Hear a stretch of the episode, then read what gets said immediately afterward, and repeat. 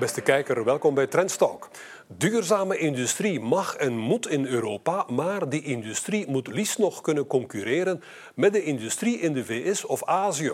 Want anders hebben we op termijn helemaal geen industrie meer in Europa.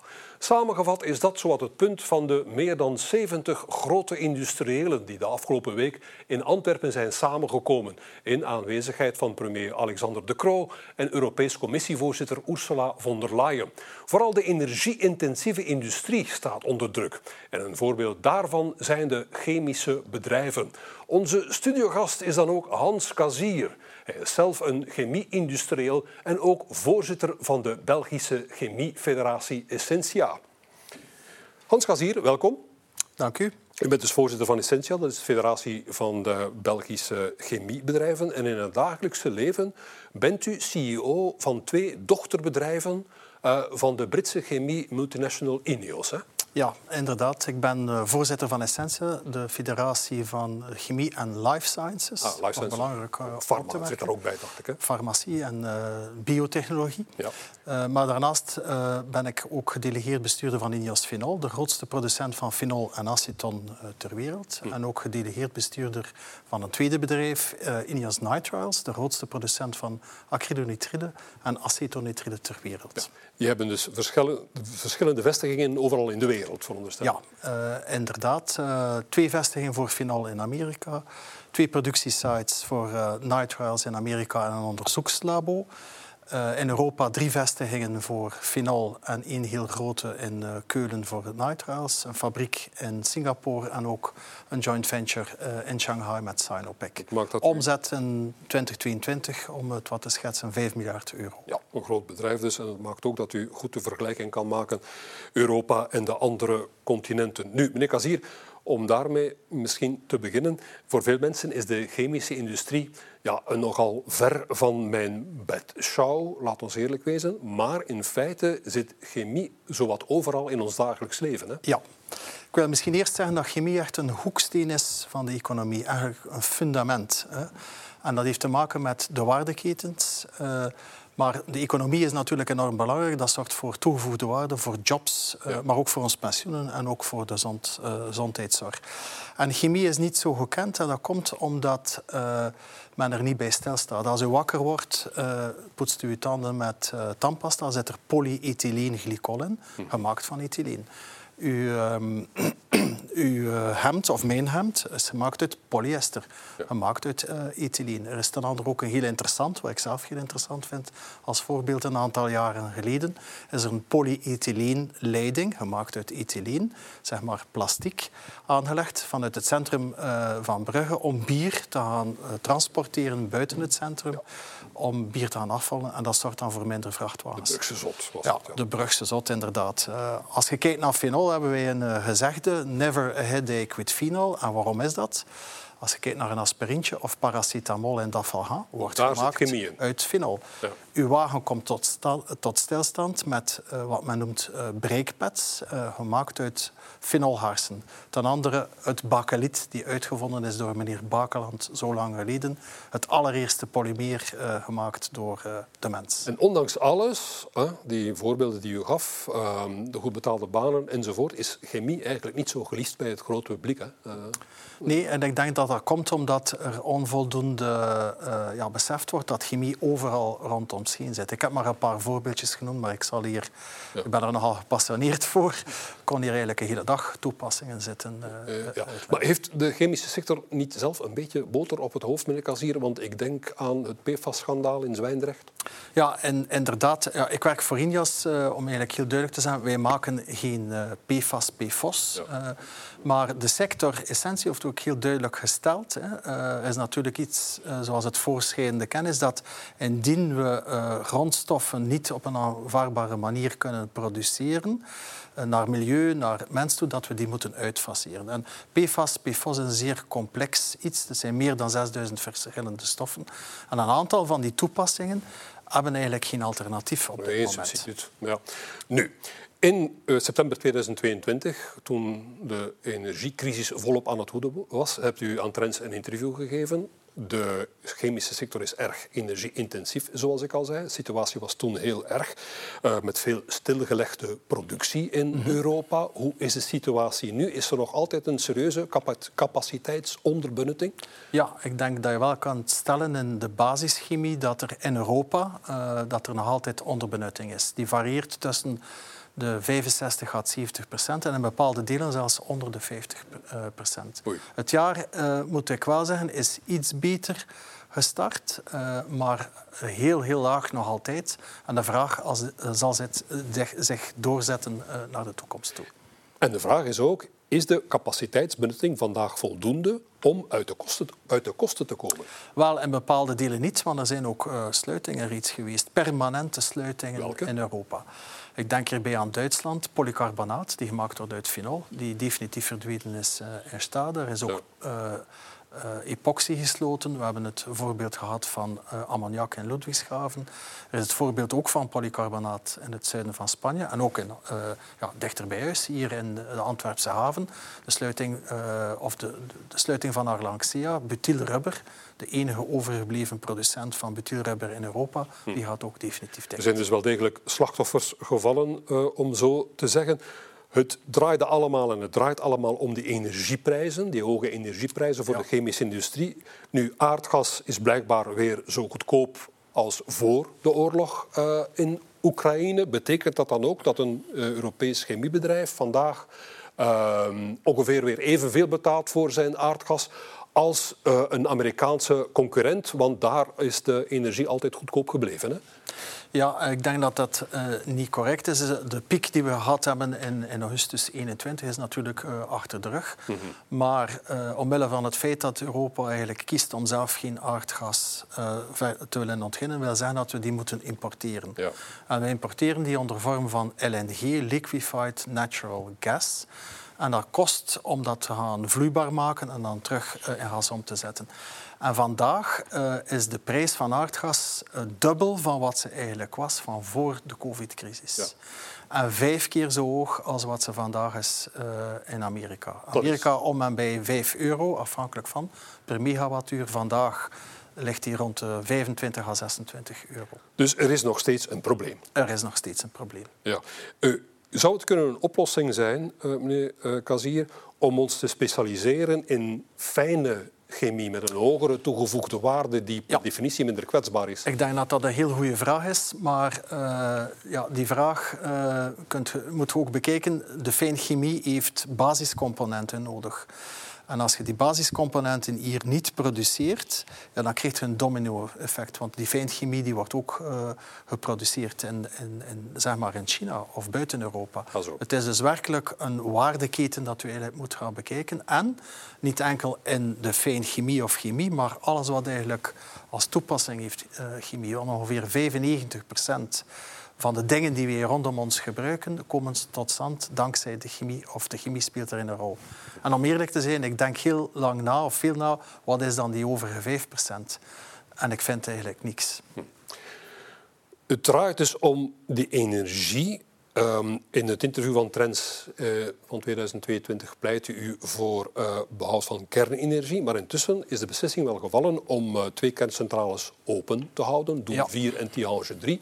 U bent een tevreden man dan? Wel, uh, ik zou dat eigenlijk willen beantwoorden met een vraag. Is het een probleem als een land tegen een vaste datum beslist uh, om de elektriciteitscapaciteit die geen CO2 uitstoot en die nog een hele tijd mee kan gaan, uh, sluit? Terwijl we heel goed weten dat we meer elektriciteit nodig hebben, koolstofarme elektriciteit nodig hebben, uh, omwille van de klimaatuitdaging. En ik zou dus zeggen, ja, er is nog altijd een probleem. Er is nog steeds een probleem. Een ander probleem is dan um, die Amerikaanse subsidies. U, u kent het, de ja. Inflation Reduction Act. Ja. Uh, een act die het dus mogelijk maakt om fiscale voordelen te geven aan bedrijven die groene ja. investeringen doen in de Verenigde Staten. Er zijn al Europese bedrijven die aan het kijken zijn of geïnvesteerd hebben ja. in de Verenigde Staten omwille van die subsidies. Is dat ook het geval voor de chemische industrie? Dat is wel degelijk het geval. Ik denk dat iedere firma kijkt naar wat is mijn investeringsbudget en waar ga ik gaan investeren. Nu, als je kijkt naar de Inflation Reduction Act, ik denk dat een betere naam eigenlijk is de Industrial Revival Act. Want dat is wat er op dit moment in Amerika aan het gebeuren is. Amerika heeft beslist, we willen CO2 reduceren. En we gaan u daarbij helpen. Niet zozeer bij de investering, maar bij de variabele kost gaan we u gedurende zekere tijd een subsidie geven. Eigenlijk zeer analoog wat er in de tijd gebeurd is met de windmolens uh, op zee. We gaan eigenlijk een, een, uh, een support geven om u over die heuvel te gaan helpen. En daaraan zegt men in Amerika, het mag ook technologie neutraal zijn. Hoe je dit doet, is eigenlijk niet van belang als je het maar doet en als het maar effectief is en dat het ook competitief is. En daarin verschilt dat programma met programma's in de Europese ja, Unie? heel sterk. En in, in, in, Europa heeft men eigenlijk een zeer voorschrijvend perspectief systeem. Het moet groener dan groen zijn. En uh, we zullen nu eigenlijk uh, ja, een, een koolstofheffing laten uh, betalen. Dus eigenlijk een totaal andere approach. De uitstootrechten bedoelt u? Uitstootrechten, ja. En als je kijkt naar wat in Amerika aan het gebeuren is, is het echt booming uh, zonnefarms, windmolens, maar ook koolstofcaptatie uh, en stockage. En dat zorgt dat er dus een enorme ja, investeringsgolf uh, aan de hand is op dit moment in, in Amerika. Dus u zegt eigenlijk fiscale stimuli zijn effectiever dan het systeem van betalen voor uitstootrechten dat wij hier hebben in Europa? Het risico met de uitstootrechten, en zeker als ze zeer perspectief zijn, is dat men eigenlijk de CO2-uitstoot gaat gaan exporteren.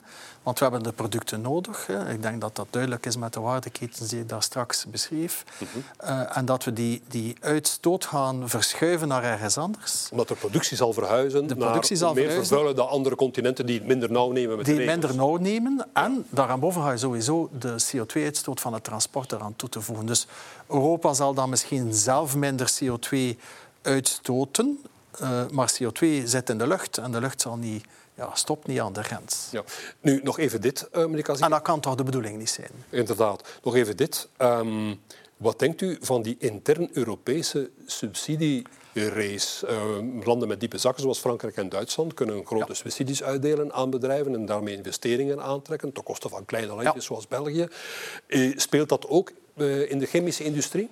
Ik denk dat dat uh, inderdaad speelt. Dat speelt ook in andere sectoren, met name in het staal, wat er ook uh, bediscussieerd is. En ik denk vanuit uh, de EU-top dat er daar ook gezegd is, pas daar meer op, want dat zorgt voor ja, ja, ongelijke situaties in de markt. En dat is niet goed. maar ze zijn wel een realiteit. Hè. Een bedrijf neemt een beslissing op tal van factoren. Is er een markt? Is de logistieker? Um, hebben we uh, personeel die geschoold is. Men kijkt naar energiekosten, men kijkt naar uh, de vaste kosten. Maar subsidies die zijn een realiteit en die spelen ook een rol. Ja, ja. maar zouden ze mogen een rol spelen, die subsidies? Want het is een beetje een straatje zonder eind. Hè? Altijd maar subsidies uitdelen. Is het daarop alleen... Ik kan me niet ja, voorstellen ben, dat een bedrijf ben... alleen met subsidies rekening houdt. Nee, nee, nee. Maar dat is wat ik u daar straks zei. Men ja. kijkt naar tal van factoren. Maar als die subsidies zodanig groot zijn, ja, dan zullen ze wel een, een, een cruciale rol gaan spelen. Ja. De toekomst, meneer Kazier, om nu weer naar de chemische industrie te komen. Uh, ziet u nog toekomst uh, voor de chemische industrie in België of, of Europa? Of uh, ziet u nog nieuwe investeringen? Er is de nieuwe ethaankraker van Ineos in Antwerpen. Ja. Laat ons dat even buiten beschouwing laten. Daar spreken we straks over. Maar ziet u nog nieuwe investeringen door Europese chemiebedrijven in Europa? Wel, op wat, de, wat, er gebeurt in de chemie natuurlijk zijn er vervangings- of onderhoudsinvesteringen. Hè. Ja. Dat, dat, gebeurt. Maar dat echt, wel nog. Maar echt zeer grote nieuwe uh, van de schaal van, van het project waar, we daar straks, uh, waar u dat straks aanhaalde, uh, is er op dit moment niet. Ja, en gebeuren die investeringen dan in andere continenten?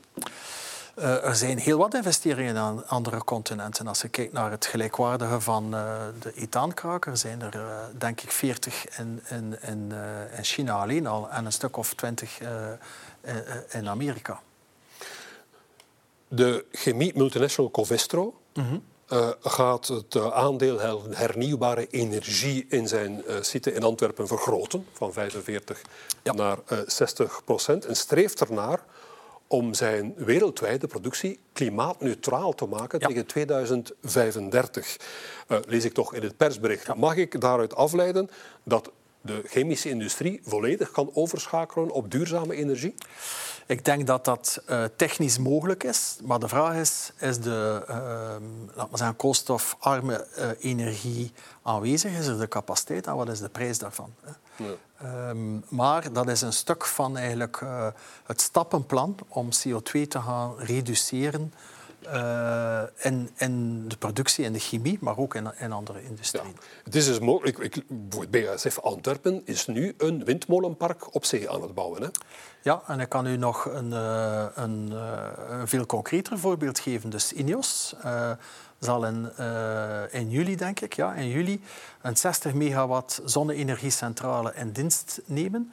En die elektriciteit zal gemaakt, gebruikt worden om PVC te gaan produceren. INEOS heeft een andere een capaciteit van 250 megawatt uh, hernieuwbare elektriciteit die uit de Noordzee komt, uh, aangekocht om te gebruiken in uh, de volgende tien jaar. Ja, want u zei, we moeten nu LNG-energie invoeren vanuit andere continenten, maar er kan al heel wat met duurzame energie die we zelf opwekken dan.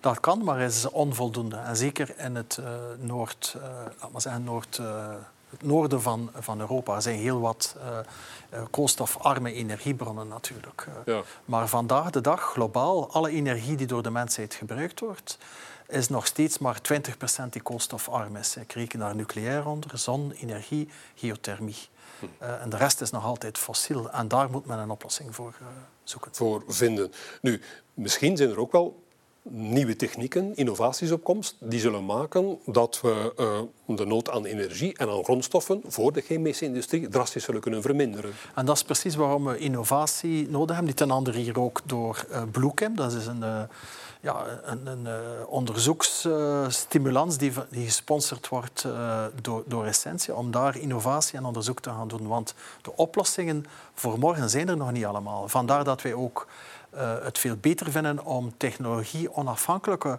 uh, oplossingen toe te laten. En niet op voorhand te zeggen, het moet allemaal zeggen, uh, donkergroen zijn. Men moet kijken naar het, de wire van mogelijkheden. En heel wat moet nog eigenlijk uitgevonden worden. Ja.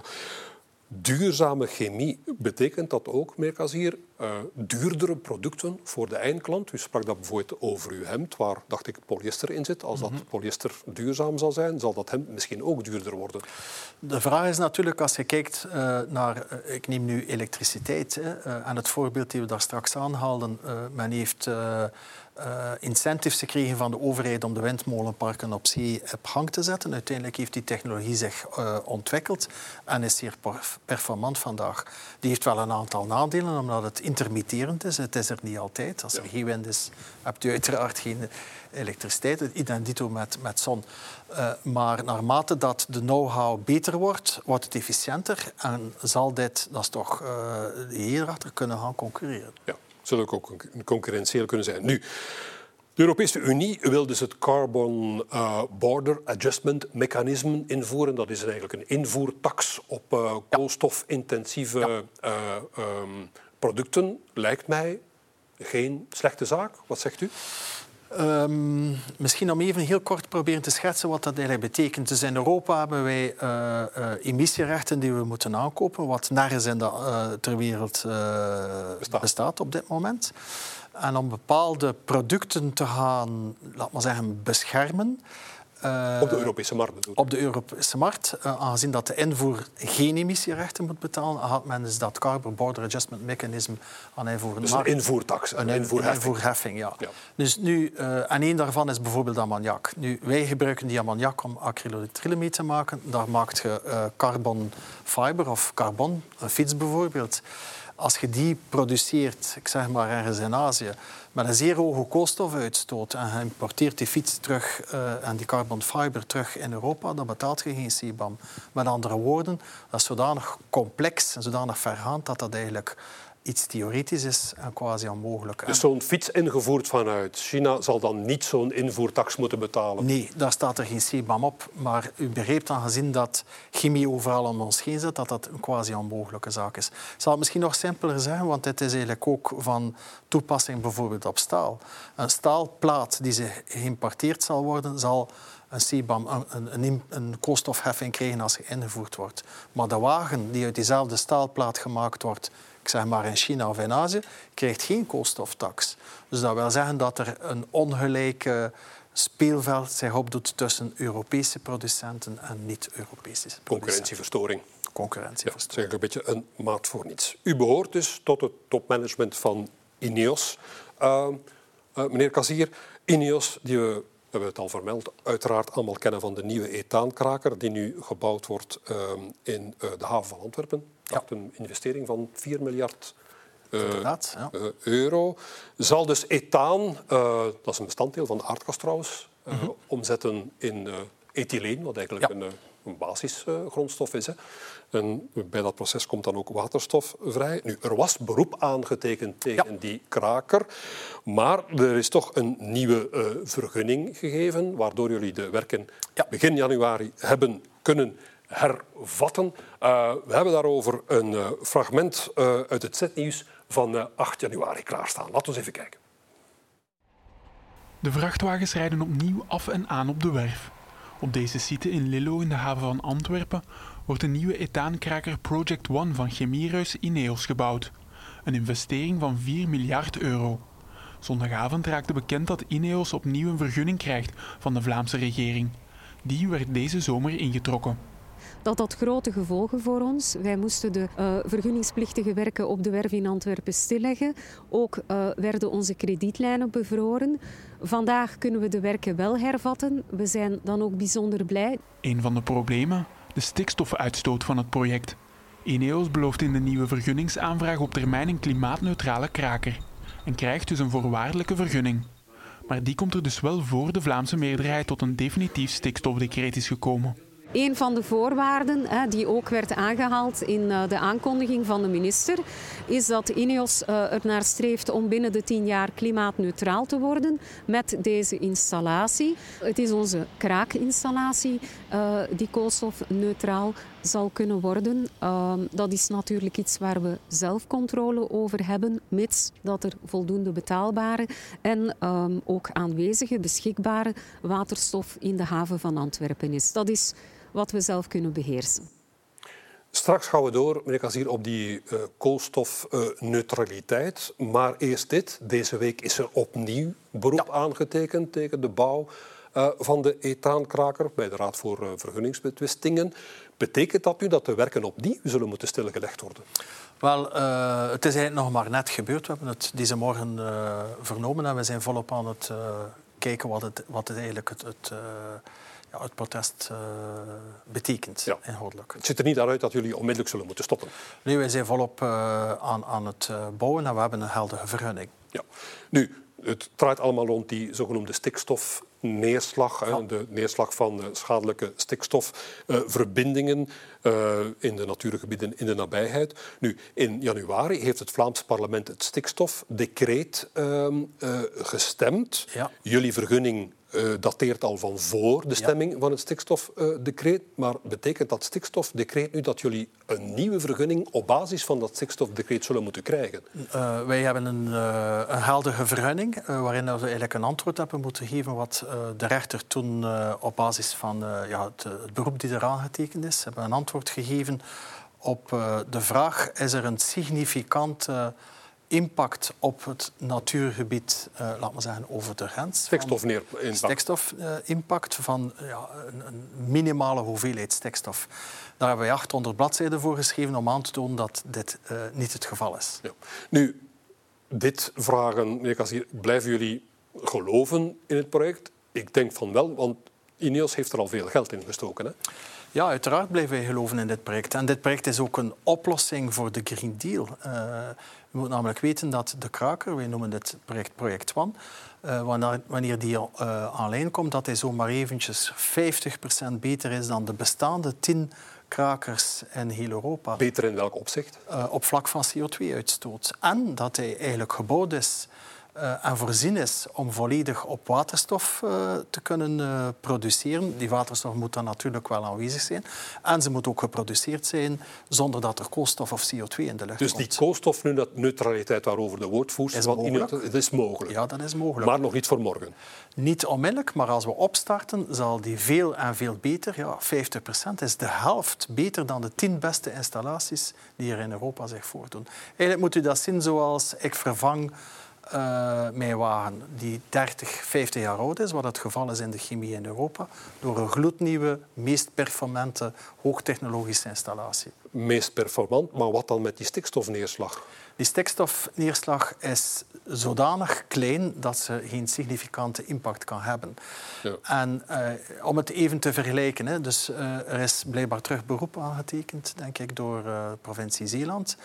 Uh, maar en Noord-Brabant, hè? De en, Noord-Brabant. Maar als je kijkt naar uh, de hoeveelheid stikstof die bij project ONE gerealiseerd wordt, is een factor van 7 à 8 lager dan bestaande installaties. Project ONE is de nieuwe. En dat is eigenlijk net hetzelfde als uh, de CO2-uitstoot. Die is zodanig laag. En dit is de toekomst. Dit is vernieuwing, herinvesteringen, wat we heel duidelijk nodig hebben in de chemie.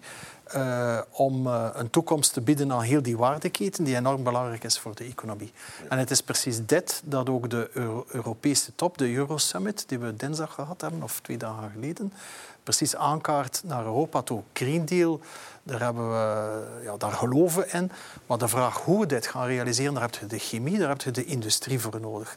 En wilt je dit realiseren, ja, dan moet je die hier ook onder aanvaardbare voorwaarden kunnen een toekomst geven. Ja, jullie punt is eigenlijk, onze installatie is veel beter qua uh, koolstofneutraliteit, qua ja. stikstofneerslag dan de bestaande installaties. Inderdaad, en ze zal iedereen uh, produceren die overal om je heen zit. En laat ons dit hier in Europa produceren en al die uh, afgeleide producten niet gaan importeren en daardoor de koolstofuitstoot van Europa gaan doen toenemen.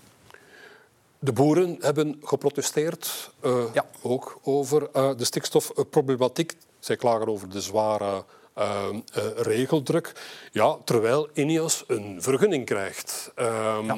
Verstaat u een beetje de positie van de protesterende boeren? Wel, eh, ik moet zeggen dat ik heel wat begrip heb voor de boeren. Boeren zijn ook ondernemers. Hè.